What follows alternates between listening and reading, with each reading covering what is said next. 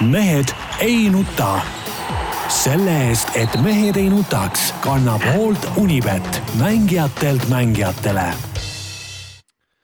Tere päevast, on teisipäev, kell on üksteist ja eetris on äh, maailma armastatum spordisaade Mehed ei nuta.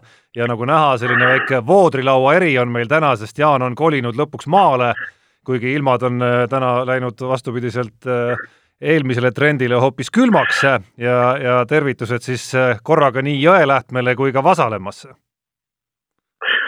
tere, tere no. ja et jahedapoolne siin on, aga ütleme niimoodi, et, et paari päeva pärast peaks ilm mõnusalt soojaks minema, et paar päeva ikka kannatab siin ära olla ja, ja siis, siis on mõnus siis on mõnus. ilmaprognoosist Jaan loomulikult äh, mitte midagi ei tea, sest äh, minu andmetel vastupidi, ei näita siin veel tükil ajal kraade, mis kahekohaliseks läheks. ma ei tea, ma ei tea, mis sinu prognoosi sina, Tarmo, vaatad. nädala lõpus on Vasalemmas äh, prognoositud igatahes kolmteist, neliteist kraadi reede, laupäev, pühapäev, kõik päevad. no võib-olla Vasalemmas, Vasalemmas on võib-olla mingi oma värk, vaata. ei, kusjuures just täna hommikul vaatasin, et ainuke sajune päev on täna ja edasi läheb juba jälle normaalselt, sadu lakkab ja nädala lõpp on jumala soe. kui sa nüüd allikaviidet tahad juurde, siis äh, norralaste Ürnost räägin mina vähemalt. aga kui tahad allikaviidet, võta oma iPhone lahti, vaata, mis ilm on ja jumala täpselt alati näitab, jumala täpselt. reede kaksteist, laupäev kolmteist, pühapäev kolmteist, väga õige. nii, Jaan, sa tahtsid öelda midagi? ei, ma tahtsin seda öelda, et rahulikult tuleb mingi üheksa-kümme kraadi ja see on ju täiesti okei okay juba, siin on päitse käes, on hea soe juba olla ja ujuma veel ei pääse, aga noh. nii, aga fakt on see, et eh, ilmajutud kõige põnevamad jutud ilmselt ei ole.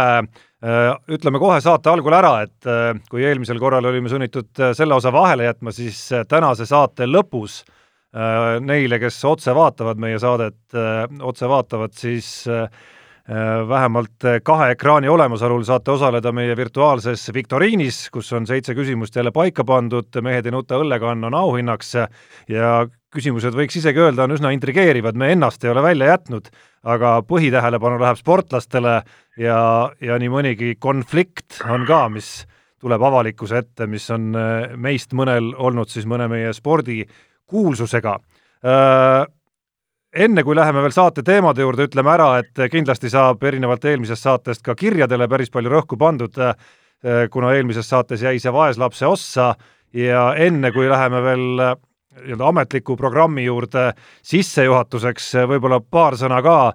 esiteks, no poliitminuteid me ei ole väga palju siin torkinud selle eriolukorra ajal, aga ma ei saa ütlemata jätta ajendatuna eilsest äh, valitsuse äh, nii-öelda igapäevasest pressibriifingust, et aina rohkem hakkab häirima ja, ja veelgi rohkem häirib, kui, kui eelmisel korral, kui me rääkisime sellest, mismoodi saarlastele ikkagi nüüd hagu antakse seal, olgu siis selle võrkpallimängu või selle mullifestivali korraldamise eest, ehk et kogu see nii-öelda justkui on öeldud, et ärme süüdlase otsi, aga saarlastele näidatakse näpuga ikkagi ministrite tasemel juba väga korralikult. väga piinlik minu arust ei no aga see on ju ilmselge, sellepärast et mandrirahvas on ju tegelikult kade nende saarlaste peale, jumalast vinge saar, äh, kalakad, asjad äh, paigas ja ausalt öeldes, saarlased võiksid rahulikult oma riigi välja kuulutada. kaua nad jebivad selle Eestiga siin? aga miks mitte? miks ei võiks olla? Saaremaa, ma ei tea, kuningriik või vabariik või mis on? milleks neil seda mandrit vaja on? nojah, no see selleks, aga tegelikult eh, palju huvitavam poliitsõnum tuli, eh, ütleme, kui võtame poliitnurga tuli, ma lugesin täna hommikul äh, maaeluministri äh, väljaütlemine, see, et ka, ikkagi taastame selle vana õige asja, ehk siis kõik alates neljandast klassist kartulipõllule, ma ütlen, paremat töökasvatust nendele linna lisanäppudele, kes muidu võib-olla näppu otsagi elu jooksul mustaks ei saa, ei saagi olla, eks ole. ütleme, saime meie käidud kogu elu põllu peal, peaks ikka nemad saama seal käidud, et ei ole mingit küsimust ja kes ütleb, et oi, et me peame koolis olema, me peame õppima. vot tööõpe, töökasvatus, tööravi, väga õiged asjad ja peavad olema kogu aeg. sama asi, äh, vanasti meil olid seal ka, ütleme, meie korjasime, viinaravimehed tõstsid neid kaste auto peale, nii. kus praegu on mehed, kes saavad viisteist päeva, pannakse plate peale seal alkojoobes. Davai, kohe põllule tead, ja higistad välja seal kastide tõstmisega oma eh, pohmellid ja alkopromillid, eks ole, väga õige ja tulebki niimoodi teha. et, et Ka, kui... oleme jõudnud jälle õige asja juurde tagasi ja kõik need, kes siin midagi mökitavad selle vastu, tead, suu kinni ütlevad selle peale. ja nii. Peep, ma, ma, ma olen täiesti sinuga nõus, aga ma lisaksin sinna veel äh, mõningad asjad, eks.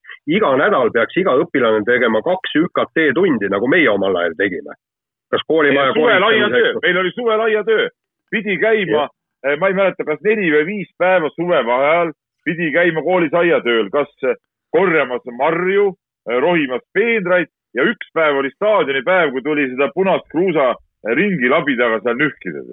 ja, ja täpselt see kõik tuleks taastada. töökasvatus, tööravi, kõige tähtsamad asjad.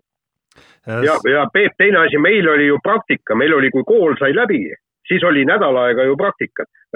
Rakvere internaatkoolis, kus ma õppisin, seal oli rohkem, seal oli kolm nädalat äh, oli praktikat, tööpraktika. õppisime puid ja kõik. ei noh, mis puude, puude ladumine, see oli ju, see käis ju tundide juurde ju. kooli ümber mõisapargi riisumine, see käis ju koolipäeva sisse. iga õhtu korrapidaja õpilane, kes pühkis ära klassi põranda, pidi tooma ka sisse puud, et saaks ju koristajatädi äh, kütma hakata, no see on väga õiged asjad kõik. no selle teema, selle teema kokkuvõtteks, äh, kuigi, kuigi mul on siin tiitel, mis peaks nüüd eeldama, et ma vaidlen vastu nii-öelda kirglikult kogu sellele teemale, siis ausalt öeldes see sügisene kartulipõllul käimine on asi, mis korraliku nostalgialaksu viskab endalgi üles, nii et nii et äh, hea meelega saadaks oma lapsed ka sinna põllule, olgu siis vihmatormi või päikesepaistega, ainult helged mälestused sellest. ei no kui nad muud ei saa, siis saavad küpsekartulit teha lõkkes, mis käib selle, selle põllul käimise juurde. täpselt nii, aga läheme saate teemade juurde, et me ei leiaks ennast äh, saate lõpus jälle olukorras, kus kirjade jaoks ei ole aega ja, ja viktoriiniks ka enam ei ole, ehk siis äh, spordisündmusi, mis äh, koroonaviirusest puut-, kutsutud ei oleks, on meil natukene ka, aga me alustame ikkagi ühe suure koondnimetajaga ja see puudutab sportlaste treenimist, võistlema hakkamist tasapisi ja kõike seda valdkonda ja hakkame pihta võib-olla uudisest, mis ütleb, et kui tükk aega Eesti tippsportlastel oli, eriti olümpiasportlastel, siis oli justkui nii-öelda priviligeeritud seisus, et Audenteses said nad trenni teha ja ka oma spetsiifilist trenni teha kuni ujujateni välja, siis äh, esimesest maist Audentes tippsportlasele pannakse kinni äh, ja justkui põhjuseks see, et Eesti Olümpiakomitee ei jaksa maksta tuhandet eurot päevas, et äh, neid kulusid katta. see kõlab nagu pisut absurdsena, mõeldes, et tuhat eurot on see summa päevas. no põhimõtteliselt absurdne tõesti, aga, aga nagu EOK rahvas räägib, et, et, et praegu hasartmängumaksu nõukogult ei tule enam eh, säärast pappi peale ja, ja üldse on kuskil probleemid, samas jälle, kui ma kuulan eh, meie EOK presidendi eh, Urmas Sõõrumaa juttu, siis EOK-l läheb täiesti suurepäraselt, et pole kunagi olnud nii suurt eelarvet ja kõike muud ja ja, ja ausalt öeldes see tuhat eurot, noh, see ei tohiks olla nüüd küll see nii tõsine probleem EOK jaoks, kui me räägime ikkagi tippspordist ja okei okay,, äh, praegu siis, nagu ma saan aru, sportlastele, äh, sportlastele nüüd hakkavad alaliidud neid treenimisvõimalusi pakkuma, ehk siis valitakse välja üks saal. siis tähendab, ühesõnaga kogu see raha nagu kulud kõik lükatakse, lükatakse spordialaliitude peale, nagu ma saan aru, eks ju. ja, ja, ja ütleme nii, et, et minu meelest see kamba peale läheb see ikka oluliseks, oluliselt kallimaks kui üks tuhat eurot per päev.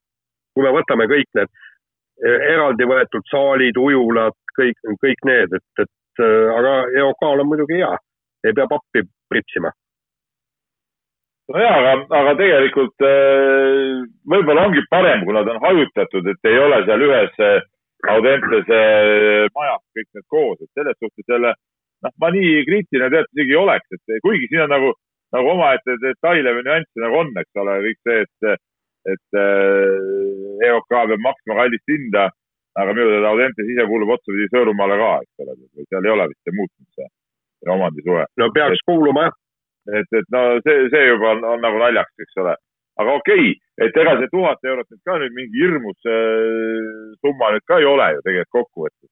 aga tegelikult, kui, kui nüüd äh, alaliidud ise hakkavad endale valima neid baase, kus, kus töötada, siis on muidugi see ka, et, et mingi äh, alaliidu toetus peaks muidugi sellisel juhul äh, säilima, aga ma saan aru, et äh, et kultuuriministeerium ikkagi jagab äh, alaliitudele mingit lisa, lisarahastust ka praegult äh, laiali või on plaanis hakata jagama, et võib-olla siis, äh, võib-olla siis selle arvelt saab midagi teha. jaa, et mul siinsamas stuudios ümmarguselt tunnika tagasi oli oli toimumas Delfi eriolukorra erisaade, kus tänaseks külaliseks oli Tõnis Lukas, ajendiks oli, oli siis eilne ports uudiseid sellest, mis siis toimub sel suvel Eestis avalike ürituste ja, ja suurüritustega, millest ühed ei toimu, ühed toimuvad, kus see piir jookseb ja tuli ka spordist natukene juttu, seal ei jõudnud küll detaili minna, aga, aga ma saan aru, et see Äh, plaan on väga selge, kus Kultuuriministeerium on siis alaliitudelt saamas äh, konkreetseid äh, rajatisi, mis peaks justkui nagu lahti minema, ma saan aru, et see on ka täna nii-öelda spordiajakirjanike jaoks selge jätku-uurimisteema, et kuidas see skeem siis täpsemalt välja näeb ja, ja kes seda rahastab, aga üks nii-öelda lisaküsimus, mis mul tekib veel lisaks neile, mida te raha kohta küsisite, on see, et mis need ajaaknad siin olema saavad. et kui esimesest maist Audentes läheb kinni, et kas see nii-öelda alternatiivne skeem ja mis, mis on tegelikult ju laiendatud skeem, sest peaks lubama ka näiteks äh, iluuisutajatel hakata trenni tegema, kes on koondise tasemel ja võtma maha ka äh, Anna Levandi väga karmi kriitika, kes on öelnud, et äh, tippsporti meil tegelikult tapetakse. et mis hetkest see nüüd tööle hakkab, et kas teisest maist, nagu siin mõned liigutused juba ära tehakse, hakkab see tööle päev hiljem või tekib sinna vahele, ma ei tea, kahepäevane, seitsmepäevane või kahenädalane aken ja see kahe, kaks nädalat võib juba näiteks ujujatele päris karm olla? no kaks nädalat on kindlasti karm, mõni päev jääb vahele, sellest midagi, midagi hullu ei tule. noh te, teine küsimus muidugi see, et, et, et üks ja trenni peab nagu tegema tippsportlane, aga praegu on see küsimus ka, et, et milleks ta nii väga siin praegu valmistub. et, et ei ole ju ei ole ju ette näha nagu mingeid, mingeid erilisi võistlusi praegu. see on no,, see on muidugi omaette küsimus. no üks asi, mis võib siiski juba suve jooksul tulla, on võimalus ilma pealtvaatajateta eh, võistlusi korraldada, näiteks no Eesti jalgpalli meistrivõistlused, ma arvan, on üks eh, Eestis suuremaid no, asju jalg,. jalgpalli, jalgpalli meistrivõistluse Audentese asi ei puuduta tegelikult, see on ju täitsa, täitsa omaette, omaette teema. ja, ja kui ujujad no, näiteks jah. üle, üle ühe raja saaksid ujuda küll ju ujujaid, ujujaid küll ja, ja, ja ujujad äh, igal juhul nende jaoks, ma arvan, et kõige kriitilisem ongi see, kes ei saa nagu üldse mitte midagi mujal teha, ongi ujujad ja needsamad iluuisutajad, et, et ütleme teistel ka kergejõustikud ilmad lähevad ilusamaks, nad nagunii kolivad välja ja, ja staadionite peal, no ma ei näe nagu takistusi enam, et nüüd on nagu lubatud ka kümne kaupa juba vabas õhus teha ja ma isegi plaanin järgmisel nädalal poistega õues äh, noh, neid kokku võtta ja, ja teha, et et äh, need ei ole nii hullud, aga jah, mingid, kes, kes vajavad ikkagi väga spetsiifilist rajatist nagu seesama ujula või jäähall või, või, või, või siuksed asjad, see, see on nagu oluline, nende jaoks on väga oluline, et, see läheks võimalikult ruttu edasi. Aga põhimõtteliselt, mis nüüd äh, võistlustesse puutub, siis mitte keegi ju tegelikult täpselt ei tea, millal äh, millal võistluskalendrid algavad. Ja tegelikult on, on ikkagi asi niimoodi, et, et et nii kui väike, väiksemgi võimalus tekib, siis, äh, siis ju paljud just näiteks nagu seesama ujumisvõistlused, ma arvan, et, et äh, seal hakatakse kohe, kohe täiega uhama, sellepärast et on vaja ju täita olümpianorme ja, ja alustada seda nii-öelda hooaega treenimist. teine küsimus on see, et kas, kas nüüd paljudel aladel jääb ära nii-öelda siis talvepaus, aga näiteks vehklejatel kui nende hooaeg on, siis oktoobrist hakkab ju pihta ja, ja sealt läheb ju kenasti aasta, aasta, aasta otsa, nii et neil on, milleks valmistuda no.. võta siis kõik need igasugused suusatamised ja kõik, kõik need, et seal peab juba näiteks suusatamine ju ja laskesuusatamine, seal põhi laotaksegi ju tegelikult. Jaan, aga nendel ei ole ju treeninguteks takistusi praegu. no ma ei tea, kui, kuivõrd nad saavad seal tiirus, tiirus olla, laskesuusatajad. no nüüd teisest maist saavad, teisest maist, teisest, teisest maist saavad. just aga jah, mis puudutab. Äh, seda nagu rahvusvahelist poolt, siis noh, selle etteennustamine on ikka ju äärmiselt keeruline. Äh, olgu mis iganes rahvusvahelised võistlused, kus iganes nad võiksid toimuda, sest riigiti hakkavad reeglid ja arengud olema koroonaviirusega ju lihtsalt äh, liiga erinevad, et saaks kuidagi ühe mütsiga mingi sarja nagu kokku joonistada, et äh, ma ei tea, septembris kahekümnendal kohtume kõik Pariisis ja ja kahe näd-, kaks nädalat hiljem kohtume Berliinis ja sealt kaks nädalat hiljem Londonis. Me saame Eesti riigisiseselt mingi parema pildi, aga see sõltub ka, nagu see riigi nii-öelda piirangute leevendamise strateegia ette näeb, ikkagi väga selgelt sellest, kuidas iga nädalal viiruse numbrid liiguvad. kui me nüüd vaatame seda meetmete leevendamise järjekorda, mis Eestis on paika pandud, just nagu, et mis on prioriteetsemad ja kus eesotsas on seal asjad, mis juba tegelikult on ära otsustatud, nagu näiteks äh, vabaõhumuuseumide lahti tegemine või seesama spordiväljakute nii-öelda välijõusaalide lahti tegemine, siis sporti puudutavad järgmised meetmed, kui nüüd võtta prioriteetide järjekorras, äh, tulevadki sealt äh, täiskasvanute koondise treeningud ja see on seesama tegelikult, millest me rääkisime siin juba, alaliitude kaudu määratakse need kohad, ja sealt edasi sporditreeningud siseruumides ja järgmine ongi juba pealtvaatajateta äh, spordivõistluste lubamine ja mul on tunne, et see on nüüd see linnuke, mida on sihtimas näiteks Eesti Jalgpalliliit. Et äh, see võiks olla üks esimesi suuremaid võistlusi, kui Eestis viirusega midagi halvemaks ei lähe, mis hakkab äh, lahti minema. jalgpalliliit on selle plaaniga ju välja tulnud juba, kuidas nad juba testivad kõiki võistkondi, võistkondade liikmeid, abipersonale ja asju ja kuidas see kontroll hakkab olema, et saaks esimesel võimalusel nagu trennid kõigepealt käima ja siis siis mängud ka, et selge see, et jalgpallihooaeg ju tegelikult noh, nad jõuavad veel ära mängida selle, et ei ole nagu selles suhtes nagu küsimust. Et, et äh, nemad on teatud samme astunud ja väga ettenägelikult on nad juba aegsasti seda kõike tegema. ja, aga kogu sellel äh, plaanil on minu meelest äh, üks miinus. Ma ei ole seda põhjalikult küll lugenud, aga kas on olemas ka nii-öelda negatiivsed plaanid? me hakkame praegu jalgpalli mängima mis, mis juhtub siis, kui kolmandal päeval ühes mängus selgub, et, et keegi haigestub nüüd sinna viirusesse või on siis positiivse näiduga. vennad müttasid, kakskümmend kaks venda müttasid väljakul kenasti ringi, mis siis edasi saab? kas päevapealt peatatakse, tehakse mingisugune jällegi neliteist päeva karantiinis? vot need punktid peaksid ka olema paigas ja olemas. ma olen suhteliselt kindel, et need, need osad on olemas tegelikult seal plaanis ja need osad on ju tegelikult, peavad mõlemas plaanis olemas olema, et ühest küljest Jalgpalliliidu plaanis, mis siis juhtub, kui, nagu sa kirjeldasid, ja teisest küljest siis riigil ja ja ma saan aru, et see otsustamine läheb tegelikult Terviseameti kätte sellest hetkest, kui eriolukord läbi saab, et mis hetkedel hakatakse tagasi tõmbama ja, ja selge on ka see, et isegi kui ei juhtu seda, et ma ei tea, kolmel jalgpalluril tuvastatakse viirus, et kui teisalt juhtub see, et needsamad põhimõõdikud riigi peale hakkavad kasvama, siis peavad needsamad jalgpalliametnikud olema valmis, et juba sellel põhjusel otsustatakse, et okei okay,, me peame teie asja ikkagi stopi peale panema. see on see reaalsus, mis kindlasti jääb sinna kõrvale ja siis peab ju leidma ka nendele sportlastele uuesti võimaluse kuskil treenida, kui kui, kui pannakse jällegi suuremad spordisaalid kinni, nii et. ei nüüd sa lähed Jaan nagu liiga kui ja kui ja kuule hakkame vaikselt otsast minema, eks siis on näha, mis saama hakkab, mis nii, nii arutada noh. aga, aga, aga üks asi, millest võiks veel rääkida selles plokis ja Peep, sa, sa mainisid seda paar korda juba, eileõhtune otsus üks samm ära teha siiski teisest maist, räägib siis sellest, et kümnekesi kahemeetrist vahet hoides on võimalik äh, teha kogunemisi ehk siis treeninguid läbi viia.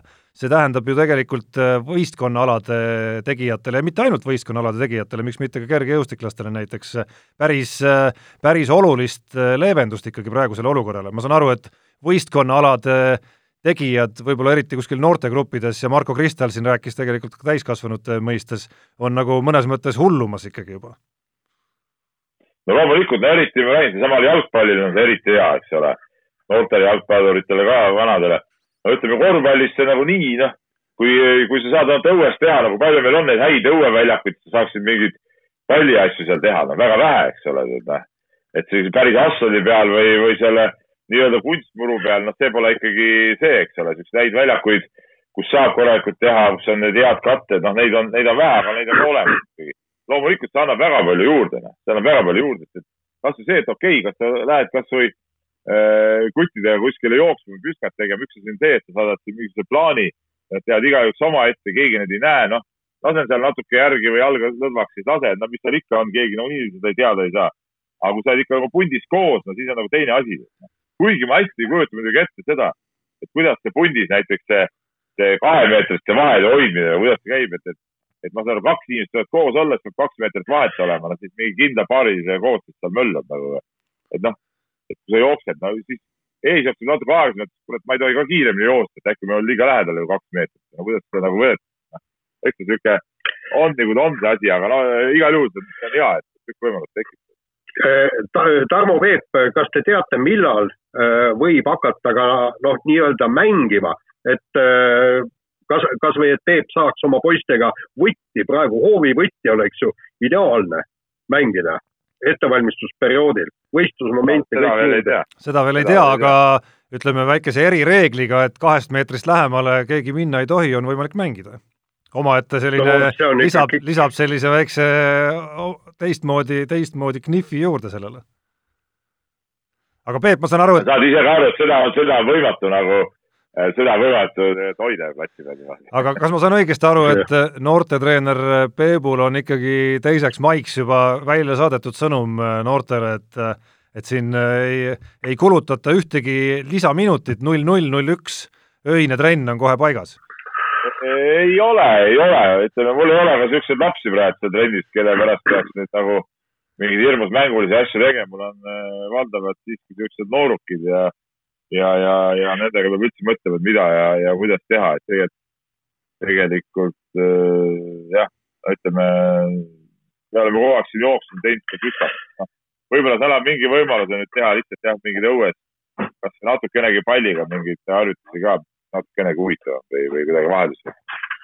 nii, aga. uuel nädalal vaatame aga vahetame teemat äh, ja läheme korraks korvpalli juurde. eelmine nädal tõi meile uudiseid sellest, kuidas kaks Eesti Äh, noort korvpallikoondislast Henri Trell ja Sander Raieste on ennast andnud üles NBA draftiks ja tõi ka uudiseid selle koha pealt, et USA-s nelja-aastase ülikooli korvpalli lõpetanud Mike Kotsar on teinud lepingu päris tuntud agentuuriga ja ka tema sihid on tegelikult, vähemalt esimesed sihid on, on sinna NBA ja, ja, ja nende võimaluste poole suunatud. no mis me ütleme selle peale, Peep, kas tundub ka, tundub ka realistlik, et, et, et see on midagi enamat kui lihtsalt mõtlemine.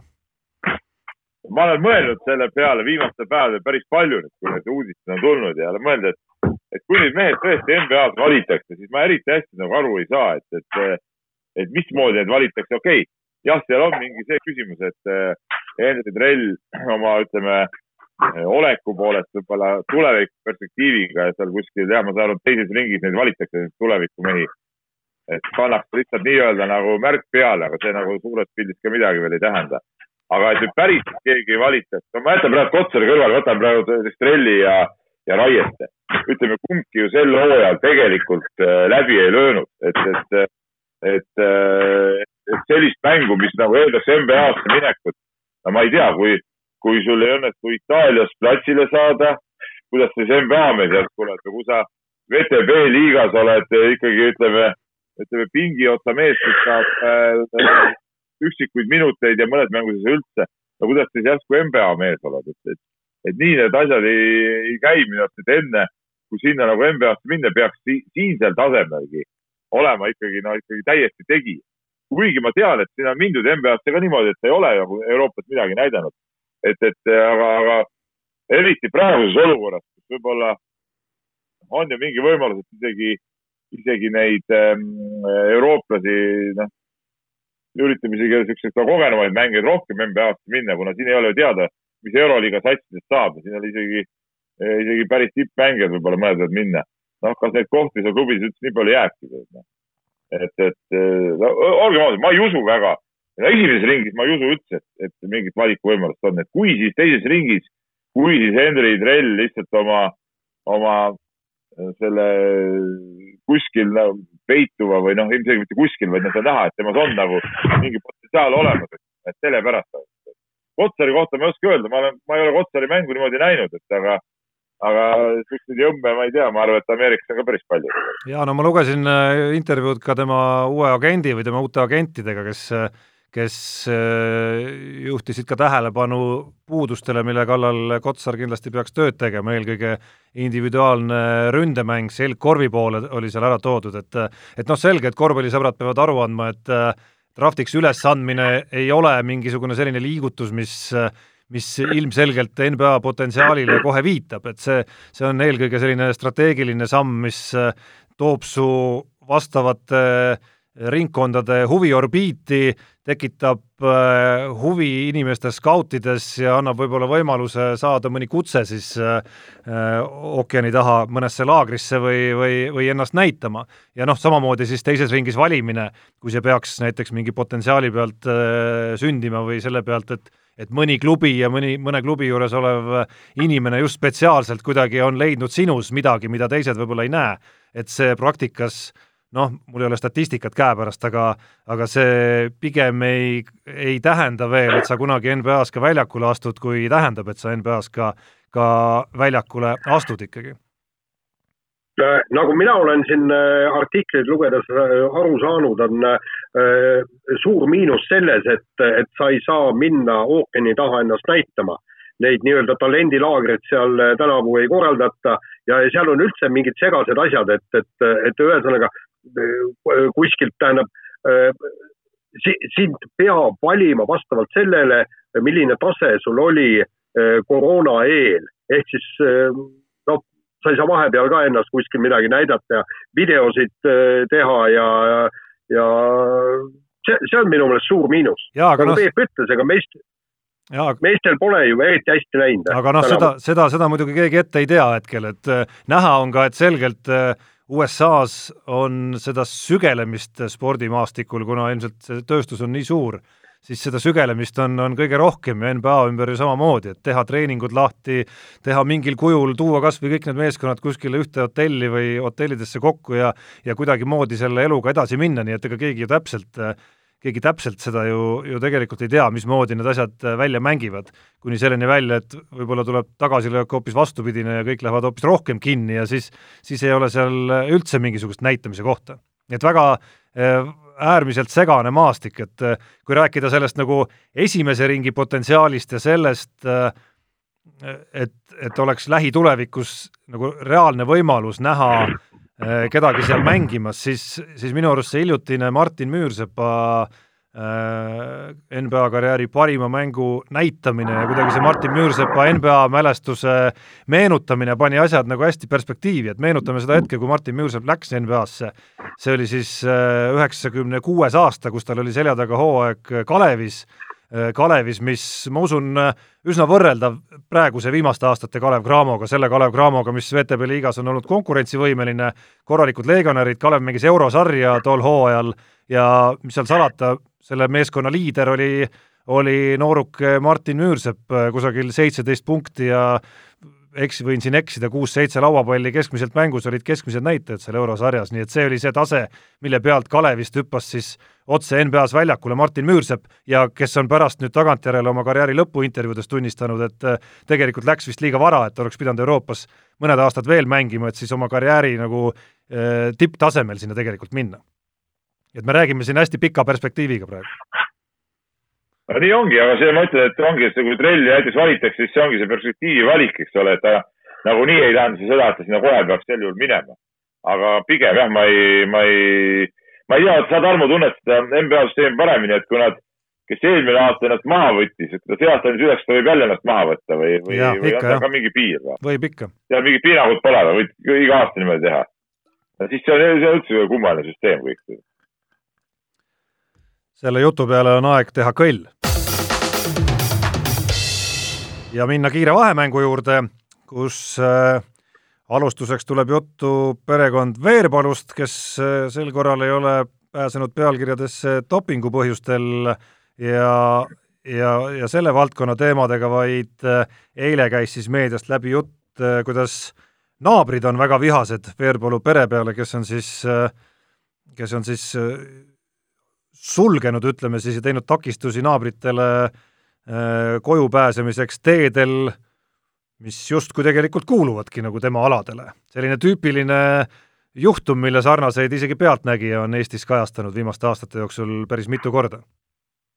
vot see on üks teema, millest ma pole mitte kunagi aru saanud, kui neid, need teemad üles kerkinud, kunagi oli ju mingisugune äh, Kaukaasia ärimees, kes ostis siin neid teid kokku ja siis pani kinni ja nõudis mingit raha ja tee peaks olema ükspuha, lähed sinu maa pealt läbi või kellegi teise maa pealt. tee peaks olema kõigi ühisomand ja ongi kõik, et noh, ei saa olla, et kui minu maja on sinu maja taga, eks ole, et siis see on sinu tee ja sa ei lase sealt läbi, no see on nagu nonsense. sellised asjad peaks nagu lihtsalt nagu seadust peaks ära muuta ja, ja, ja ongi kõik, siin ei ole midagi üldse rääkida ega arutada. see on idiootsuse tipp aga noh, minu jaoks on natukene kummaline see, et, et Veerpalu äh, üldse niisuguse asjaga hakkama sai, teades, äh, kui tähelepanelikult äh, teda ja tema tegevusi praegu jälgitakse ja, ja minu meelest oleks tal ju mõistlik hoida niisugust tagasihoidlikku joont ja olla niivõrd palju peidus kui vähegi võimalik, eks. aga no kas ta siis tõesti jällegi naiivselt lootis, et, et kõik need asjad ei tule välja, loomulikult tulevad välja. ja, ja, ja nüüd on jällegi noh, lugege kommentaare ja mõelge, mida inimesed nüüd arvavad. eks, et üks suur staar läheb ja keerab teisele mingi käki kokku noh, natuke häda on see, et, et kõiki detaile me siin kindlasti nende üksikute killukeste pealt ei tea, aga aga üldjoontes noh, sa tõid mängu selle, et on tuntud inimene, üldjoontes lihtsalt tundub nagu sõbralik läbisaamine oluliselt mõistlikum elamise viis oma naabruskonnas, kui, kui kuidagimoodi mingisugune selline kiusu ajamine. No jaa, aga ega sa Jaan küsid, et, et mõistlikkusest räägid, et kas me Andrus Veerpalu puhul äh, nii kummaline kui pole, viimast, mitte viimase aja, vaid üldse siin pika aja jooksul oleme saanud mingit mõistlikkusest äh, rääkida, vaadates kõiki neid tegusid, mis äh, mis on nagu välja tulnud tema poolt, et, et mingit mõistlikkusest rääkida, siin on nagu ilmselge liialdus, ma arvan. aga. no jaa, aga mingisugusel ajahetkel võiks ju inimesele aru pähe tulla, noh. No vanust on ka juba piisavalt. Jaan, sa oled kohe kuuskümmend, sul pole siiamaani tulnud. no natuke hakkab ju juba tulema kuskilt ah, maalt. ma ei tea, minu arust, minu arust see, kuidas Jaan siin äh, mitu saadet juba, üks kiri oli ka sel teemal, sinisilmselt ikka ootab Andrus Veerpalult seda puhtsüdamlikku ülestunnistust, kuidas kõik äh, üheksakümnendate algusest alates ikka tegelikult on käinud, see näitab, et vist on selles arutelus Peebul praegu õigus, mis Jaan, Jaani mõistust puudutab ei, tuleb olla optimist. absoluutse tõde on minu poolt jälle välja toodud, ongi kõik. Peep, ma olen sama optimistlik, kui sina oled Eh, viiruse kadumises. nii, aga vahetame teemat, aga mitte väga kaugele, räägime Andrus Veerpalu lähikondsest Mati Alaverist. eile siis eh, riigiprokurör Taavi Pern eh, õigemini tema varem kirjutatud, aastaraamatusse kirjutatud ülevaatest tulid välja lõigud, mis kirjeldasid ka Mati Alaveri kaasuse uurimist ja seda, mismoodi õnnestus prokuratuuril endalegi suureks üllatuseks Äh, pärast seda, kui Mati Alaveri kodus korraldati läbiotsimine ja arvati, et vaevalt sealt midagi enam leiab, kuna Alaver on teada, et uurimine käib, siis õnnestus ikkagi üht-teist leida, sealhulgas päris olulisi märkmeid Mati Alaveri kaminast. Ja kui, kui nüüd nagu noh, Jaan on meil kõige kõvem kriminullide lugeja, siis kui ma nüüd äh, pretendeerin olema teisel kohal meie saate ringis selles vallas, siis, siis tundub kuidagi üsna äh, kuidas ma ütlen, noh, amatöörlik ikkagi. väga amatöörlik. jah, ei absoluutselt ja, ja jällegi, vaata siit tuleb jällegi see Veerpalu case, et inimesed ei mõtle, et kas tõesti jällegi Mati Alaverel oli silisilmselt lootus, et, et, et keegi ei hakka Eesti poolt teda torkima või? minu meelest, kui nii, kui see vahelejäämine sealsamas äh, Austrias Seefeldis toimus, järgmine päev oleks pidanud juba kamin tossama. aga ei midagi, seal nagu ma sain aru, ikkagi oodati pikalt ja pingsalt. kuigi noh, samas jälle oma elutööd ära põletada pole ka hea, et seal oli väidetavalt oli olnud päevik, kus oli ta väga avameelselt kirjutanud kõikidest nendest sündmustest pärast seda äh, aadrilaskmise operatsiooni. aga ma arvan, et, et äkki mõni kirjastus saaks avaldada selle päeviku, äkki on Mati Alaveereb nõus Äh, sellest tuleks kindlasti müügihitt. ei no kuule, ma ei saa aru, kas te suutsite normaalselt ära peita või ma ei tea, läinud kas, kas või kaevanud kuskile marjapõõsa alla endale aiastada, kilekoti sisse, või ei tahta ära hävitada. No, no see, kuule, on täitsa, see on täitsa narrus kuubis ju tegelikult. Noh. kuule, me. ei no kui ma teen siin mingit värki, eks ole, kuule loomulikult ma ju, ju peidan need tõendid ära, mul on mingid peidikud ja asjad, mitte ma ei hoia neid asju kuskil kompuutris või, või, või põletan kaminas niimoodi, et nad ei lähe ööti põlemagi. no see on ju see on ju, amatöörlus on isegi nagu, isegi nagu liiga pehmelt öeldud, see on, see on täiesti nali ju tegelikult. ehk et kõik. kunagi nagu näinud, kuidas neid asju tehakse. ehk et kõik äh, tulevased või äh, oleviku patused, kui, kui teil on ikkagi nõuandeid vaja, siis ma usun, et äh, hea tasu eest Peep, Peep jagab neid hea meelega ikkagi. ei no kuule, no kuule, see on elementaarne, ma arvan, sa võiksid ka neid nõuandeid jagada, noh. nii on ju. siis ei oska, siis pole näinud kunagi, kuidas asju tehakse või mõned hoidsid tead sinimustvalget lippu äh, aastakümneid kuskil tead laka peal äh, peidus, eks ole äh,. NKVD ei leidnud üles, Alaver ei suuda nüüd paari paberit ära peita. Peep, kuule. suurendada selle eest. Peep äh,, jällegi ära ole nii naiivne, sa ju oled näinud, mäletad Nõukogude Liidu äh, krimifilmid, kui olid äh,, sõidab äh, siis kapo auto sinna ette, hüppavad välja koer Muhtar ja kolm politseinikku on ju ja koer hakkab nuuskima ja selle põõsa alt leiab rahulikult need kaustikud üles. et äh, ma, ma arvan, et, et ka meil on niisugused kaustikuotsijad koerad olemas. Ei, ei ole head, ei ole head, ma võin sulle öelda, ei oleks leidnud. nii, aga vahetame. oleks võinud anda kellegi kätte hoiule näiteks, noh, kuule, advokaat Pill, noh e, saad ju panna või sul on ju pangas need laekad, kus sa saad, sinna ei saa ju tulla niisama ligi Peep, aga meie kätte hoiule. jah, näiteks, väga kindel koht, väga kindel koht sest me ei loobu mingi hinna eest nendest, sest need on niivõrd huvitavad. Nii, aga vahetame nüüd teemat äh, ja küsime, kuidas, äh, kuidas suhtume sellesse, mis viimasel nädalal on toimunud äh, Eesti ja ka maailma spordis, ehk et e-sport on kõvas hoos e, e-korvpalliliiga läks käima Eestis, Reinar Hallikud ja Kristo Saaget lippavad seal väljakul ja ka Pahvi noorem põlvkond on esindatud kenasti selles liigas ja jalgratturid. Kahest kaks, kahest kaks on Tallinna Kalevil, jah.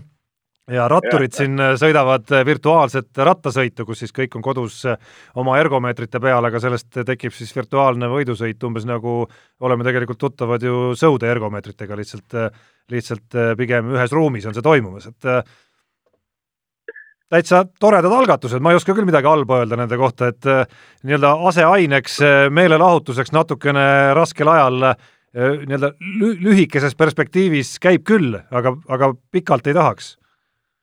Ainuke, ma vaatasin seda, kõige rohkem huvitavam oli minu jaoks nendest see WRC sõit, kus see Roland Poom sõitis.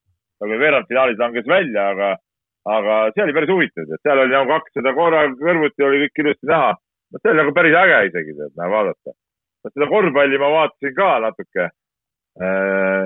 Noh, see ütleme, et natuke siukse, kuidas ma ütlen, noh.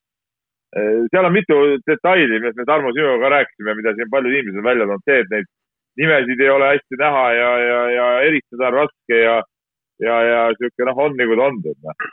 et eks, eks, eks ta, eks ta aseaine on ja ega ta päris, päris seda spordimõõtu ikka välja ei anna, noh, aga noh okei okay,, vähemalt midagi on vaadata või ikka huvi pärast, eile olid mängud ära, ma eile mänge ei viitsinud tegelikult vaadata, ma tunnistan ausalt, ma esimesel päeval vaatasin. eile ei viitsinud vaadata, aga pärast nii-öelda statistika vaatasin ikka ära ja seal mõne vaatasin, kes seal, et vaatasin, no näe, Saage, kurat, null punkti, teidki ühtki viset, et milles asi.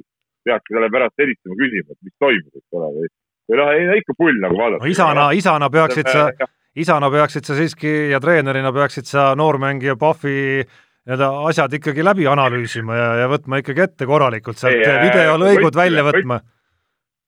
ei, peale esimest mängu ütleme, sai ka natuke pahandatud, et, et, et mis te seal pusserdasid, eks ole, miks visketabavus oli vilets ja nii edasi. või väljakul liikumine näiteks, väljakul liikumise osas või söödu andmise osas peaks ju nagu platsi nägemise osas peaks ju asjad kehtima nagu samamoodi, et kui ikka jätad hea söödu panemata vabale mehele, võid vastu pead anda vot ma et ma täpselt ei tea, kuna ma ise seda mängu ei valda üldse, siis ma ei tea, kui palju seal see tegelikku loogikat on. no mina vaatasin ka kuskilt, kuskilt järelvaatamisest, vaatasin umbes kaks minutit seda mängu ja äh, andke andeks, see ei meenuta mitte mingil määral korvpalli, see on ikka täielik jura ju Te. tegelikult on täielik jura ju noh, kallid vennad. ma, aga kas see rattapuki peal väntamine ei olnud jura või? ei, no vähemalt seal sa teed äh, füüsilist, sa väntad täpselt nii nagu tavaeluski, aga, aga need mängijad kasvõi see mängijate liikumine ja kõik, noh, andke andeks. ei, selge see, selge see, ma pean kiitma tegelikult, minu arust NBA lahendas selle asja päris hästi ja seal, seal see intriig ei tekkinudki niivõrd sellest, et, et kellelgi oli väga huvitav vaadata, mismoodi see asi seal nagu väljakul toimus.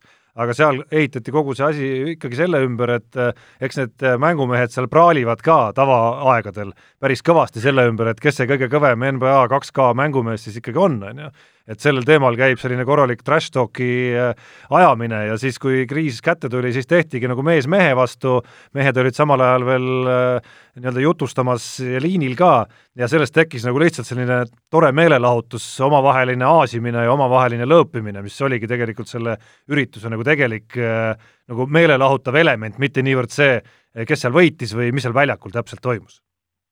no ma pean siin veel kord nagu näiteks Kristo Saaret kiitma, kes nagu ikkagi andis äh, siin Eesti mängus ka omapoolse panuse, et, et nii palju, kui ma seal natuke poole kõrvaga kuulasin, äh, ta nagu pani Reineriga mängus küll seal puid alla, et, et see oli nagu okei. Okay.. see nagu ongi naljakas vahetame teemat ja läheme rallispordi juurde, siin Roland Poom käis juba läbi, aga meie räägime Andrea Adamost ja Ott Tänakust ja Adamo lausest, et äh, isegi Angelina Jolie't on raskem kohtamisele kutsuda, kui palgata Ott Tänakut. no ütleme, see on Adamo probleem, kui ta ei ole nii šarmantne kodanik, nagu oleme võib-olla meie siin Peebuga ja Tarmo kohta ei oska öelda, liiga noor mees, eks. Et ma arvan, et, et meil ei saaks äh, Jolie'ga probleeme olema. ei, vastupidi, vastupidi, Jaan, ta just ütlebki, et Joe'liga on tal lihtne, ehk et ta on väga, mulle tundub, et see on nagu tema isiku pärast kinni, et Joe'liga on tal väga lihtne, aga Tänakuga on keeruline. ei, ei, vastupidi, ta ütles niimoodi, et, et, et aa jaa, ta ütles nii ikka, õige jah, õige, minu, minu viga, ajasin sassi. just, aga, aga näiteks, et ma kujutan ette, et Peep selle Joe'liga saaks kohe rahulikult jutule. ainult kõlaks nii ja juba tuleb, eks ole. just nii, aga proovi sa näiteks Tänakut meil sporditoimetusse palgata, praktiliselt võimatu. jah, täpselt, täpselt. aga vaata, siin ongi see, et ega, ega need minu võlud ikkagi hakkavad tööle ikkagi nagu vastassugupoole eh, peal nagu rohkem.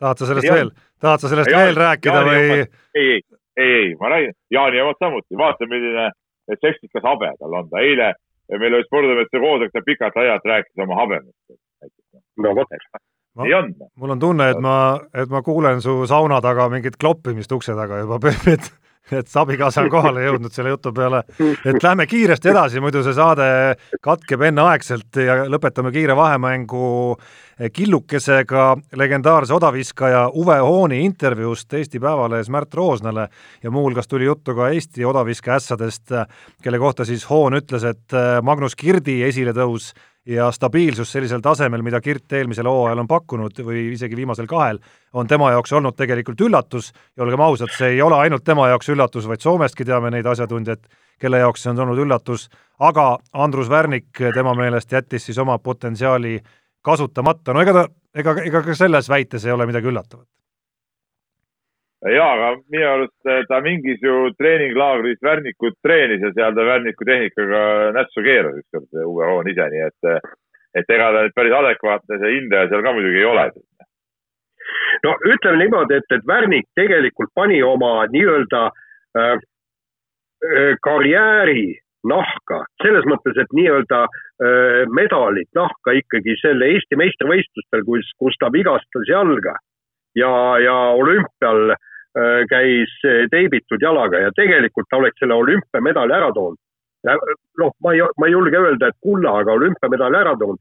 ja kui sul on MM-ilt olemas kuld, hõbe ja mingi olümpiamedal ka, no ütleme niimoodi, et äh, palju meil Eestis neid sportlasi on, kes äh, sääraste saavutustega võiks silma paista, nii et, et, et see on nagu probleem, kõige suurem probleem Värniku puhul aga Väärika puhul ma ei näe üldse mingit probleemi, kui sul on MM-kuld, MM-hõbe, siis sa oled oma elutöö juba ära teinud nagunii. ei, aga, aga tal oli sealt võimalus võtta no,. oli, ei, oli, oli muidugi, muidugi Just oli. see on see asi.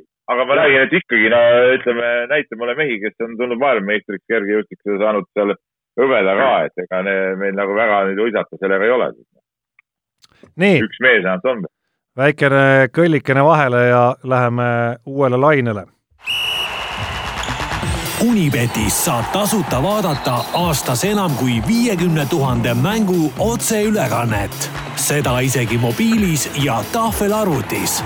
Unibet, mängijatelt mängijatele. Nonii, kas äh, Peep, Jaan, leidsite Unibetist ka? oi, Peep on tõesti leidnud. ja, ja ma pean kohe ütlema, et peale äh, üheksat või kümmet kaotatud panust toimus siis eh, ütleme läbimurre. leidsime eh, enda jaoks, ütleme, viisime ennast kurssi Turkmeenia jalgpalli tsempionaadiga ja, ja tõepoolest topeltpanus Ashabani FT, Nebitel FT Balkan kohtumisele ja Sagadam FK, Merv FC mängudele tõi siis suure võidu koefitsiendiga kaks koma kaks, nii et, et see see oli, ütleme, suur minek ja nüüd mul on kontol kakssada seitsekümmend seitse koma null üks eurot. ai-ai, see tähendab, et seis on läinud põnevaks. Jaan, mul on tunne, passis ikkagi. ja ei, mina passisin jah, tegelikult mul läks ka jah meelest ära, aga eks ma nüüd proovin, proovin male peale panna. ja ma, ma oleks täiesti, Magnus Carlsen sai ju nüüd äh, matši pähe, ma aimasin südames seda ette, no ma oleks teadnud, aga, aga näed, unustasin palusa panema. selles, selles oleme me kõik väga kõvad mehed, ma arvan, kõik maailma spordiennustajad on ülikõvad, kõige kõvemad mehed selles, et kus ikkagi jäi see õige panus äh, panemata, et ma aimasin küll, aga ei pannud ikkagi aga, aga ma ütlen, neid pungiliigasid on päris äge nagu panustada tegelikult, see on, see on, see on isegi naljakas. No ma ütlen, et ma sinna pungiliigadesse väga ei kipu, et ma siin e-spordiga proovisin korra ära, jätame selle saldo saja. e-sporti ei, jäta jätame, mine nende pungiliigadesse. jätame selle saja protsendi juurde ja ootame, et siin ikkagi spordimaailm vaikselt äh, lahti läheks. ma äh, nii-öelda lihtsalt äh, sirvisin Unibeti natukene ja, ja vaatasin, mis panuseid sealt leida on, et näiteks NBA meistritiitli panused on täiesti kenasti olemas lootuses, et see hooaeg ikkagi lõpuni mängitakse. Los Angeles Lakers kolm koma viis, Milwaukee Bucks kolm koma viis, Clippers neli koma kolm. täitsa huvitav on äh, vaadata seda siin, ma ütleks, et Lakers. no jaa, aga, aga, aga see on nii pikk panus, et vot, vot minul niisugust, äh, kuidas ma ütlen, nagu minu kärsituse juures, püsimatuse juures mõeldamatu, ma paneks sellise panuse. et, et kui ma panen, ma tahan kohe, ma tahan, ma tahan tänase mängu peale panna, ma ei viitsi oodata nädal aega või rääkimata kuu aega või, või pool hooaega. hästi ma ootan. see ei ole huvitav. See ei tekita kui... just vähimatki hasarti. hasart on ikka see, et praegu ja kohe tegutseda. ja kusjuures see raha on ju terve aasta aega kinni sul. kui sa paned näiteks äh, sada äh, eurot, siis sa ei saa seda vahepeal kasutada. ma ei tea, Tarmo, kuidas sa nii lihtsaid asju jagad, et noh tule no, küsi mu käest. ega keegi ei ole öelnud, et, et sa oma kogu raha pead sinna alla panema. targalt ja hajutad oma panuseid ja vot see on niisugune, see on niisugune jänese kõrvadega mängimine. Selge, ma jään ootama. julge, rasvane, rasvane rind on see, mis peab nagu siin edasi kandma. no ma jään igatahes. mis sul haamleid täis. ja ma jään ja. ootama, Peep Pikisilmi, sinu järgmisi panuseid Turkmenistani ja, ja mis iganes maailma nurgaliigadele ja mängudele ka veel. ma olen selles mõttes lootusrikas, et et äkki ühe konkurendi saab niimoodi ära elimineeritud, aga lähme nüüd. ma olin, ma olin muuseas, ma olin, ma pean ütlema vahele ma olin ükspäev panemas isegi peaaegu online panust, kuna ma vaatasin, see oli siis äh, mingi Kossu liiga, kus mängitigi finaalseeriat, oota see oli äh,. kurat, ma juba unustasin ära, mis, mis äh, mingi asiaatide kuskil riigis mängitakse praegu finaalseeriat, väga põnev mäng oli muuseas, väga põnev mäng oli. seal oli isegi ühes võistkonnas oli üks Ukraina tsenter, kes on mänginud Ukraina koondises, ma pärast vaatasin, isegi EM-il käinud ja, ja, ja, ja väga põnev mäng oli ja see seeria viigistus seal kaks kaheksa ja ma mängu ajal oli, kibelesin panema seal mingit online panust ka, aga, aga siis see mäng hakkas nagu pöörduma, siis ma nagu loobusin sellest, pärast vaatasin, võinud panna ikka. aga noh, nii oli. Aga tuletan siis meelde, et äh, saate lõpus virtuaalne viktoriin on meid taas ees ootamas kõigil, kellel äh, on meie saade otseülekandes lahti pildi vahendusel, võite juba ühes ekraanis kahoot.it aadressile valmis minna ja teine ekraan siis säästke endal otsepildi jaoks, kus tulevad küsimused, mehed ei nuta õllekann on mängus, aga enne ootavad meid ees kirjad. ja kirju on palju ja hakkame kohe otsast minema, teadlane Priidik, meie asjalik kirjasaatja küsib nii, et tänapäeva tippsportlaseks olemine eeldab hoolitsemist oma keha eest kakskümmend neli tundi, näiteks väga hoolikalt oma toitumise jälgimist, kuid kes on need sportlased Eestis ja maailmas, kes on tänu oma ürg, ürgandele suutnud viljeleda ka teistsugust elustiili, piltlikult väljendades tõusnud napsulauast ja teinud medalit väärt soorituse, edestades teisi, kes on teinud ometi kõik õigesti. Noh no, eks siin noh, Värnikole äkki üks säärane näide, et ma ei ole kindel, kui, kuivõrd režiimivend ta oli ja kui täpselt oma toitumist jälgis ja, ja noh, võtame kasvõi sellesama Jaan Taltsi, eks kes äh, ütles, et teinekord äh, saab ikkagi viina visata ja aga järgmine päev tuleb treeninguga kõik need augud peast välja saada. Neid mehi ikkagi on. aga Martin ja... Nüürsepast kui režiimivennast ei saa ka kuidagi ikka rääkida vist või? no jaa, oli ju seal Peep Jõgi näiteks omaaegne äh, korvpalli häst, kes noh, ikkagi sõna otseses mõttes ju otsiti teinekord üles kuskilt äh, õllepaarist ja, ja veeti veeti liidukoondisse välja, eks ole, et, et ja, ja mängis ikka nagu kulda, noh. et, et eks siukseid, siukseid mehi ikka on olnud. no lihtsalt temal jäidki nagu suured saavutused nagu saavutamata, aga Martin Müürsepp ei jäänud. ei äh,, ja ei no selles suhtes küll, aga no Peep Jõgi ikka liidu juunioride koondises mängis ja tiitlivõistluste medalit sai. ta oli juunioride Euroopa meister või, või midagi sellist, eks ole. et, et, äh, et selles suhtes noh, jah, eks siukseid, siukseid mehi on küll olnud nii, aga ega me kõiki neid lugusid ka ei tea täpselt muidugi, eks neid on kindlasti rohkem, kui avalikkuse ette on tulnud. no selge, et siin on ka vahe selles, et kes on, kes on ütleme, ajanud seda asja siis nagu nii karmiks, et, et ei ole pannud piiri ka mängueelsele siis mitte režiimile Äh, ja kes on siis need, kes äh, on lasknud rihma lõdvemaks kas siis kahe hooaja vahepeal permanentselt või, või pärast sooritusi, et et selge, et neid viimaseid on ikkagi ju päris kõvasti ja mitte ainult Eestis, vaid vaid mujal ka, aga mis puudutab neid esimesi, siis alles üks päev käis läbi, see oli Itaalia jalgpallitäht Christian Vieri, kes rääkis, kuidas oli Hispaania liiga parim väravakütt sellest hoolimata, et iga mängu eel põhimõtteliselt prassis ja jõi ennast täis. no võtame näiteks Kristo Saage ja Martin Müürsepa see kuulus äh, Rakvere Tarva, need, need mängud, eks ole, see superseeria kaks tuhat kümme vist, mis oli seal.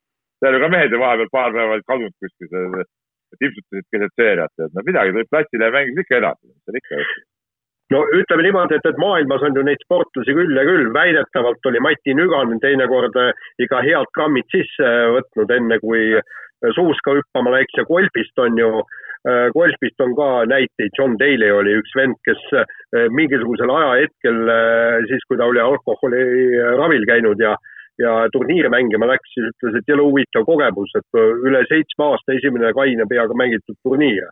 ja, ja seal oli, räägiti üks turniir oli huvitav, et, et mis mäng katkestati kehva ilma tõttu ja, ja, ja vennad mõtlesid, et, et et niisugune äh, torm, raju, vihm, et, et, et sel päeval enam ei jätkata ja läksid siis kõik sinna klubibaari ja hakkasid siis vaikselt tinunni panema. ja siis umbes kahe tunni pärast ikka öeldi, et nüüd turniir jätkub. ja, ja see oli päris lõbus kogemus olevat olnud nii meestele kui pealtvaatajatele. ma võin äh, nii-öelda äh, asjaarmastaja golfi tasemel oma nii-öelda kõrvalvaatlustena öelda, et ja ma olen isegi ühte uuringut ja testi tegelikult vaadanud, sellel, sel teemal on tehtud ka eksperimente, et kusjuures mingi maani ja, ja see maa on seal kuskil, kui me õlledest räägime, võib-olla paar-kolm pudelit, noh, sõltub ka muidugi sellest, kes selle sisse endale võtab äh,, ei tekitanudki see nagu erilist äh, kahju veel. Äh,, pigem isegi mingid asjad, mingid löögid läksid selles konkreetses eksperimendis täpsemaks, aga aga mingist hetkest muidugi ei olnud nagu midagi rääkida enam, siis nägi asi inetu välja juba aga Peep, jätka kirjadega. Eh, mul on tead veel üks näide oli veel tuua, ma mäletan, kui ma eh, sõitsin veel kõvasti ratast eh, nii-öelda rahvasporti tasemel Tartu rattarallile läks, hakkasin minema ja eelmisel õhtul ikka kohale läksime ka abikaasaga välja sööma, seal oli kogu see jalgratturite tipp, Eesti tipud ja seal olid ka mõned välismaalased olid koos. ja, ja no nad ikka ütleme nii, et jookidest seal puudust ei tulnud, aga järgmine hommik olid kõik, kõik stardis, okei okay,, see polnud päris tippvõistlus enam see, kuhu nad starti tulid, aga, aga, aga ütleme, kohal nad olid ja, ja, ja seal ära väntasid selle, nii et, et kui organism on kõva, siis kannatad ära küll selle no tähendab kiirelt üks lugu ka veel, tähendab laskjad rääkisid, kuidas liidu meistrivõistlustel oli, vaata siis, kui ei olnud dopingukontrolli ja, ja öeldi, et ikkagi niisugune pits haljast sisse võtta, et see teeb äh, käe väga täpseks ja silma väga teravaks. Aga seal olevat üks vene laskja olnud, kes noh, äh, võttis klaasi, võttis teise, oli siis sinna võistlustel püssi taha magama jäänud ja. aga noh, miks ka mitte, noh. aga et siit ei jääks kõlama võib-olla, ma võtan korra jutu ka veel üle, see, et me kuidagi nagu justkui anname mõista, et see kõik on jube lahe, et kui mõelda nüüd nagu teise äärmusesse, et sinnapoole, et kes tõesti, nagu teadlane Priidik kirjutab, on olnudki sellised väga tublid selles vallas, et jälgivad isegi oma dieeti, toitumist äh,, rääkimata režiimi pidamisest ja, ja alkoholist, siis olgem ausad, kui, kui mõelda esimestele nimedele, kes näiteks meelde tulevad, äh, Gerd Kanter näiteks või korvpallist Valmo Kriisa, siis äh, eranditult me saame juba nende kahe näitel öelda või vähemalt nende kahe näitel, et me räägime sportlastest, kes ikkagi väga suure osa, kui mitte peaaegu kogu oma potentsiaalist ikkagi suutsid sportlasena ka ära realiseerida. et ilmselgelt äh, äh, sportlased, keda ka eeskujuks seada ja käitumine, mida eeskujuks seada. nii äh,, Simmo kirjutab meile ja äh, tal on selline küsimus äh,, lühike ja, ja lihtne. kui saaksite kolm spordiala Tokyo olümpiamängudelt eemaldada ning kolm ala lisada, siis mis need oleks ma ütlen kohe selle ära, ma ütlen kohe lisamise suhtes, et ma ei lisaks küll nagu nagu mitte midagi, minu arust see olümpiaprogramm on nagunii ebamõistlikult äh, suureks aetud, et, et seda, seda kindlasti mitte ja mingeid äh, ninaga muna veeretamise alasid äh, ei ole mõtet sinna tuua. kindlasti, mida sealt äh, eemaldada võiks, on, äh, on äh, igasugused, ma ei tea, seal oli kavas ka see mingi rulasõidu asi vist, eks ole, on, on mul õieti meeles.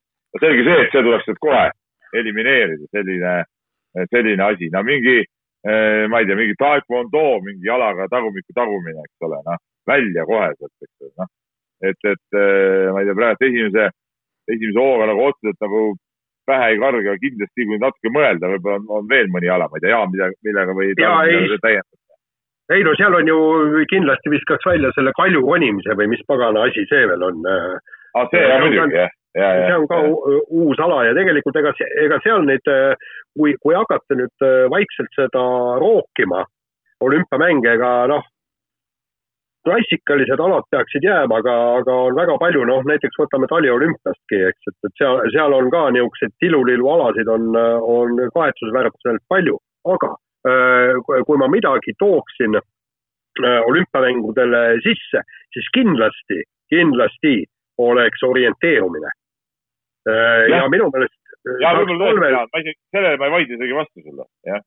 just no.. et, et see, see on üle, maailma väga levinud äh, ala, ta on äh, harrastajate hulgas ääretult populaarne ja seda saab ju äh, viljeleda nii suvel kui ka talvel. nii et, et orienteerumine oleks väärt kindlasti olümpia kohta ma veel äh, kindlasti ühe täienduse teeksin, et taekwondo käis siin läbi selles listis mis, mis võiks ära jääda ja noh, seal on nagu mitu põhjust, alates kandepinnast kuni selleni, et see ei ole tegelikult äh, eriti atraktiivne võitlusala, aga ma lisaksin siiski ühe isikliku antipaatia, kindlasti see tuleb küll ühe väga suure ala seest, aga noh, käimine kui kergejõustikudistsipliin on, on kuidagi nii risti vastu igasugusele nagu mõistlikule loogikale minu arust, et et selle ala ma paneks küll kinni olümpial vähemalt. miks ta vastu, miks ta risti vastu on loogika? no miks ma pean meelega, meelega liikuma aeglasemalt, kui ma saan joosta? ei, aga miks sa meelega ujud aeglasemalt, miks sa, miks sa konna tõmbad, kui sa saad kroolida? seal on vähemalt mingi selge nagu eristus, aga kuskil, et sa ei saa sassi ajada omavahel krooli ujumist ja konna ujumist, aga piir jooksmise, käimise vahel, see on siiski nagu äärmiselt hämar, vaata neid võistlusi natukene aegluubis, soovitan eriti, ja siis Ei, sa saad aru. ma tean, ma tean, Tarmo, ma tean väga täpselt, erinevalt, erinevalt sinust, olen, olen väga palju kergejõustikuvõistlusega käinud. ja mul ei ole tõesti käijate vastu midagi, ausõna ütlen, et ei ole. kuule, meil on olümpiamedal, Bruno Junk. ma saan aru. kaks medalit, kaks pronksi. õigus, kaks medalit. ta rüvetab pühadust praegu, Tarmo. seda, mine tee mingi annetus kuskile praegu. seda, seda, seda nii-öelda lisatavate alade listi peaks natukene scroll ima rohkem, aga ma lihtsalt põhimõtte pärast ütlen Peebule vastukaaluks, et et kindlasti midagi uut ja kaasaegset äh, olgu ta siis rulakandist, midagi X-mängudelt, kuskilt sealt kandist, et olümpia käiks ajaga kaasas. nimme ütlesin selle. sa oled hirmus, sa oled hirmus inimene, Tarmo, ja ma ei räägi sinuga nüüd äh, okei okay,, ma praegu saate, et ma räägin, ma ei räägi sinuga paar tundi, aga ei lähe läbi praegu. Nii äh,, läheme kirjadega edasi, kirju on jätkuvalt palju. me tegelikult äh, rääkisime ära, mis Margus meile kirjutas selle e-spordi ajal, e-spordi äh, ülekannete pealung ütleb, et see on täielik, äh, täielik jama ja, ja pakub siin, et kas me ei võiks tuua äh, vanu mänge hoopis eetrisse siin Kalevi Rocki omaste trillerid. no võib-olla midagi toome ka, ma siin olen natuke nüüd otsimist ikkagi alustanud, aga, aga vaatame, mis nüüd saab. nii, aga Anti kirjutab meile et kas teised alad võiksid järgida käsipalli eeskuju, käsipall siis otsustas, et näiteks äh, äh, oma Champions League'is, et seal äh, neli esimest lihtsalt praegu võiksid mängida selle Final Fouri, eks ole. et meistrite liiga Final Four mängitakse aasta lõpus põhiturniiri nelja parema osavõtul. näiteks korvpalli Euroliigas võiks ka olla nii, et FS, Anatolia FS, Real, Barca, CSKA mängiks jalgpallis ilmselt on see suhteliselt keerulisem, samas jäetigi MM-i kvalifikatsiooni play-off'id ära, edasi said edetabeli parim, paremad. ja noh, seal võiks ju ka võtta siis mingi alagruppide võitjad ja, ja las, las põrutavad, eks ole. et, et noh, mingi, mingi ütleme, iva asjas muidugi on, kui tahetakse üldse ära mängida, aga ma tunnistan ausalt, ma väga ei usu nendesse pallimängu, ka Euroliigade ja nende üldse võimalikkusesse, et seal midagi veel toimub. ei tea, mis sa, Tarmo, arvad? Äh, jube keeruline, jube keeruline on midagi arvata, et äh, vaat-, see on, see on see koht, kus ma vaataks küll nagu täiesti samm-sammult, et ma pooldaks üldiselt küll, et need äh, nii-öelda lihtsustatud lahendusi leitaks, et äh, kuidagimoodi veel õnnestuks mingid tiitlid välja mängida, aga aga, aga siis seal ei ole mõtet nagu väga pikalt ette minna, aga ma tulen korraks eelmise küsimuse juurde tagasi äh,, mida võiks juurde lisada, sama ala, mis korra on läbi käinud veel ja sellega te ilmselt olete nõus, male, mingi kiirvariant äh, äh, olgu ta play-off süsteemis mingil sellisel kujul, väga äge oleks. no Malel on oma male olümpia, ma ei näe nagu otsest põhjust. no see on täiesti teine formaat ja võistkondlik. jaa, aga olümpia ikkagi, ei ma ei, ma ei näe nagu põhjust Malet sinna lisada. ei nõustu. Jaan nõustub, ma arvan. aga Tauno on meile kirjutanud ja, ja Tauno nüüd ütleme, riidleb siin natuke meiega ja kirjutab nii, et kurb, kui inimesed, kes väidavad end olema spordireporterid ja isegi sõna sport definitsiooni tähendust Äh, kui lugeda erinevatest allikatest, kuidas seletakse sporti kui mõistet, siis e-sport kui selline täidab piisavalt kriteeriume, et seda käsitleda spordina. ei saa olla nii seniilne või kinni omas mullis kuskil aastakümnete taguses ajas. sport muutub, siis seoses sellega võiks ka vanemad spordireporterid, seda enam sporditoimetuse juht, mina, kurssi viia uute aladega kommentaar, et Rops võiks põllule kartulit minna võtma, tuleks siinkohal asendada kommentaariga, et spordireporterid, kes ei suuda ajaga kaasas käia, kes ei ole endale eh, teinud selgeks mõistet sport, ei peaks hoopis, et kas nad ei peaks hoopis ise sinna põllule minema. Eh, nii, eh, alustan vastupidist, põllul ma olen käinud väga palju. ma arvan, et rohkem kui enamus inimesi keskmiselt. teiseks, Rops võiks minna kartulit korjama, kindlasti tuleks talle kasuks. kolmandaks e, e-sport on debiilsus kuubis sellisel kujul, mida, millega tegeleb ROK. Äh, meil olid just ülekanded, äh, kus ja ka äh, see, mis see on, Inspira kanal, eks ole, näiteks pühapäeval kell kaksteist näidatakse laustapmist, mingid verised tombid vedelevad siin ja seal, siis mingi õrna naisele kommentaator räägib, kuidas päid lendab igale poole. mis sport, Tauno? Kas sa oled jokkis peaga selle kirja kirjutanud või, või mis asja, mis, mis kohaga sa mõtlesid, kui sa kirjutasid? täitsa, ei no tore, et kirjutasid muidugi. teinekord võta natuke rohkem, siis tuleb parem kiri. aus. püha müri. vaata üle. tähendab, ühesõnaga spordiala, kus liiguvad ainult pöidlad, no andke andeks, eks. noh, see, see, see ei ole, see ei ole ka äh, normaalne ja aga no ütleme siis niimoodi, et, et mis siis, kui tapmine on sport, tähendab ühesõnaga ekraanil tapmine on sport, et mis siis teine maailmasõda oli ka siis nii-öelda võistlus Nõukogude Liidu ja Saksamaa vahel, kus inimesi tapeti? see oli ka mm noh, mm noh. jah. no Tauno tegi strateegilise vea muidugi, läks siin praegu kirvega kurge püüdma nii on, ma olen parem seniilne, aga, aga ma ei nõustu sellega mitte mingil juhul. nii, aga nüüd tuleb tõsine kiri, mehed, pange nüüd ennast valmis. Reimo kirjutab. olen pikalt mõelnud juba ja pole ka teie saates eriti üles eh, tekkinud küsimus, et mis seob, mis seos võib olla Jaak Mael selle kogu dopingu jamaga. oleks naiivne arvata, et tema pole varem asjast midagi teadnud või sealjuures olnud. mis oleks teie arvamus, nii kirjutab Reimo ja tegelikult äh, sisuliselt sama, äh, sama sisuga kirja äh, saadab meile ka Marko, kus on, kus on äh, samad asjad, ta toob ka Raul Olle siia mängu. ei, vabandust, see polnud Marko, vabandust, see oli keegi E. meie ja Markol oli teine kiri, mul oli kaks kirja kokku. et ta toob ka Mae ja, ja Raul Olle siia mängu. noh, see on väga raske küsimus tegelikult, eks ole. no see on seda raskem küsimus, et, et noh, tegelikult on võimatu midagi öelda ja tegelikult ei ole õige ka midagi arvata olukorras, kui ei ole kindlaid fakte, et no selle arvamine põhimõtteliselt, kui sa arvad midagi ja see arvamus sisaldab faktiväidet, siis, siis see on sama, mis faktiväide. Ja siis sa pead seda suutma tõestada ka juba, et selles seisneb tegelikult kogu selle arvamise nagu keerukus no ütleme niimoodi, et, et ka hästi palju on tuttavaid küsinud täpselt sama küsimust ja, ja kahju, et Jaak Ma ei taha nagu suusatamisest rääkida, tal on teatud kehvad kogemused viimasest ajast ajakirjandusega ja kõike ja tegelikult ega noh, ega jutuga seda asja ju selgeks ei teegi. aga noh, samas on nagu mitte ainult Jaak Mae, vaid mitmed endised suusatajad on ju öelnud, et, et Mati Alaveril olid väga kindlalt öö, äh, oma lemmikud.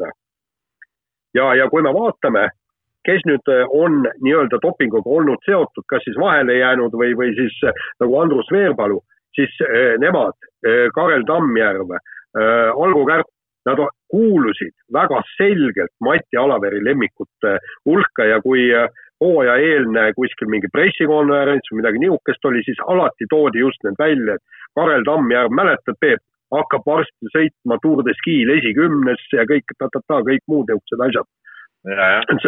ja samas näiteks oli äh,, lugesin just läbi äh, äh taaskord Gunnar Pressi väga hea artikkel Jaak Maest ja just äh,, tähendab intervjuu Jaak Maega ja teemaks oligi olla number kaks Andrus Veerpalu järel. Ja Mae ikka tunnistas ka, et, et, et suurem tähelepanu vähemalt tol ajal, no see oli umbes kümne aasta tagune artikkel, et äh, Mati Alaveril läks ikkagi Andrus Veerpalu peale. Ja me mäletame, kui Mae võitis MM-il hõbeda ja Andrus Veerpalu põrus, et siis oli ju Mati Alaveri nägu oli täiesti mossis, kuigi nii-öelda tema treenitav sai hõbeda aga noh, selge on ka see, et, et noh, isiklikus plaanis ja olles, olles ju mingil määral me kõik oleme kuulnud mingeid jutte, kuidas see kõik võis välja näha tol ajal nagu praktikas ja füüsiliselt ka, siis küsimuse esitaja lausestuses on, on küsimusi, mida samamoodi tahaks ise küsida ja, ja samamoodi õhku visata, aga, aga ma ei lähe seda teed, et, et hakata arvama midagi, kuidas, mis siis oli või ja, ei olnud. ja, ja kusjuures, kusjuures, kui te me meenutate, siis äh, Ramsau MM-i ehk siis tuhat üheksasada üheksakümmend üheksa Ramsau MM-i viimase distantsini oli ju Jaak Mae kogu aeg Andrus Veerpalust parem. sealsamas MM-il ta sai ka ju viienda koha ja eelmistes sõitudes oli parem. Nagano olümpial oli parem. ja, ja, ja siis tuli Andrus Veerpalult see äh, hõbe viiekümne kilomeetri sõidus ja, ja sealt mees, sealt maalt üks mees pühkis lihtsalt Jaak Maest mööda.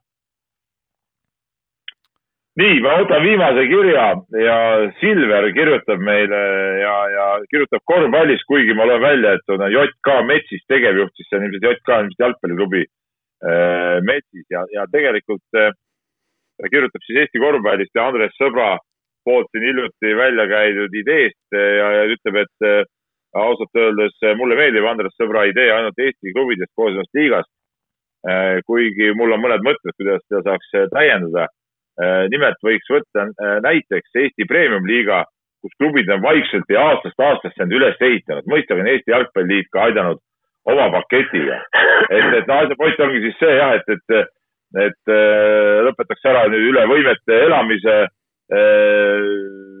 et mis mõte on elada iga päev nägemus, et suvi võib iga aasta lõpus oma pildid kotti panna, pigem teha väiksemalt, aga seejuures jätkusuutlikumalt.